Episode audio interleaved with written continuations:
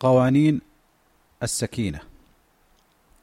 منتهى غاية البشر السعادة ومنتهى آمالهم الأنس والطمأنينة. ولكن أن لهم هذا وهم في ركض دائم وغليان لا يتوقف. وسعي نحو الماديات واستغراق في التفاصيل. وبعد كل هذا الصخب والضجيج كم أنت بحاجة للهرب من فخ الماديات. والإبحار نحو جزيرة السكينة للتزود منها لحياة سعيدة حياة نابضة نامية مبهرة حياة ملؤها نجاحات على كافة الأصعدة روحيا ونفسيا وفكريا واجتماعيا. معها ستعيش في تصالح جميل مع الروح ومع من حولك ولن يتكلف من حولك حبك.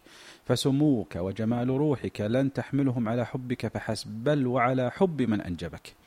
الدفة بيديك وسفينة حياتك أنت ربانها والربان الماهر يحسن التفاهم مع الأمواج والريح وهذا الربان يحتاج للسكينة كي ينجح في مهمته. فكيف السبيل لتحصيل تلك السكينة والهدوء الداخلي دونك حزمة من القوانين؟ رصدتها لك وستنفعك بإذن الله تعالى كثيرا. اجعل منها نسخة في حاسوبك أو في جهازك الذكي وعندما يداهمك قطار الحياة الصاخب فالجأ لها بعد الله واعمل بها أو ببعضها وستتذوق طعما جميلا للحياة وستنعم بحول الله تعالى وقوته بالهدوء النفسي. القانون الأول أحب نفسك ودللها وكافئها في زمن عز فيه المدلل. تعلم حب النفس الحب الحقيقي حتى تجد السكينة والراحة.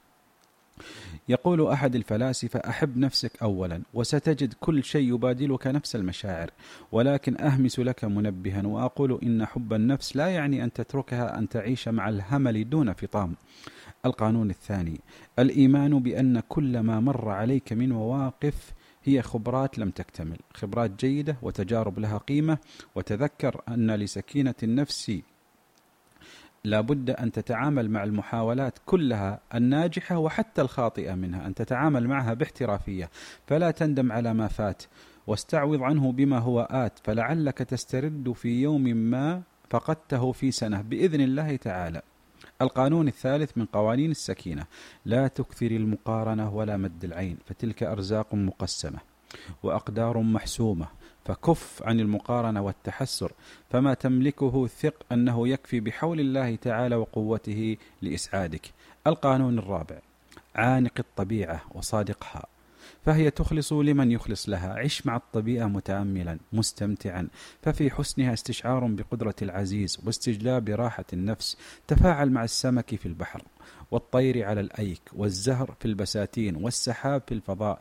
جزما ستجد الحياة لها منظر ولها طعم ولها نكهة أخرى. القانون الخامس ولو تكاثرت أشغالك وتعاظمت اهتماماتك وهمومك اجعل لك دقائق تسترخي فيها عضلاتك ويغفو معها عقلك. لابد أن يغفو العقل. العقل دائم العمل مآله إلى, إلى, إلى, إلى, إلى, إلى ضعف وإلى اضمحلال حتى تعود متجددا نشطا. وتقو وتذكر قول سيدني هاريس يقول أنسب وقت للاسترخاء يكون عندما لا تملك وقتا له. وهذه مقولة جميلة أي باختصار إذا كنت أو إذا وجدت نفسك في أحد اللحظات أنك مشغول من رأسك إلى أخمص قدميك فاعلم أنك الآن بحاجة شديدة إلى الاسترخاء. القانون السادس لقوانين السكينة. لا تستغرق في توافه الأمور وصغائر المواقف. ويهديك المفكر فاين تايلور قاعدتين للسكينة. الأولى لا تقلق بشأن الأمور التافهة. والقاعدة الثانية كل الأمور تافهة. القانون السابع احترم النوم. فراحة الروح لابد أن يسبقها راحة الجسد. قيلولة في حدود ساعة ونوم عميق بأحلام هانئة مبكرا ستجعلك ذا طاقة عالية. واحرص على أن لا تستخدم جهازا في غرفة نومك ما أمكن فهي فقط للنوم. القانون الثامن اجعل بيتك وسيارتك ومكتبك مرتبين نظيفين ضع شتلات خضراء عطر يفوح وبعدها ستجدك أحببت المكان ومعه المزيد من العطاء والمزيد من السكينة. القانون التاسع تعلم الضحك بشكل يومي إما بمشاهدة فيلم أو مسرحية أو بمجالسة خفيفي الظل فالدنيا قصيرة والأيام تجري. سكن روحك بإفراز هرمون الأندروفين.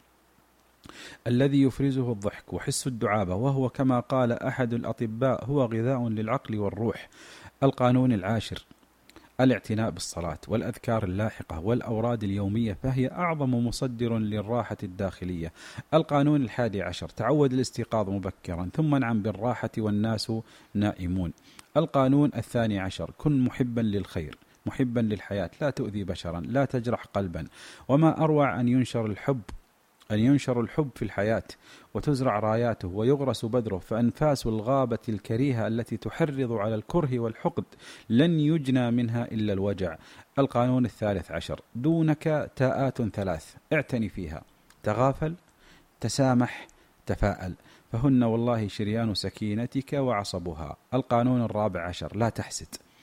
لا تحسد فالحاسد يضاعف شقاءه وهمه. ويصلي روحه المسكينة جحيما فلا يحمل قلبك غلا ولا كرها.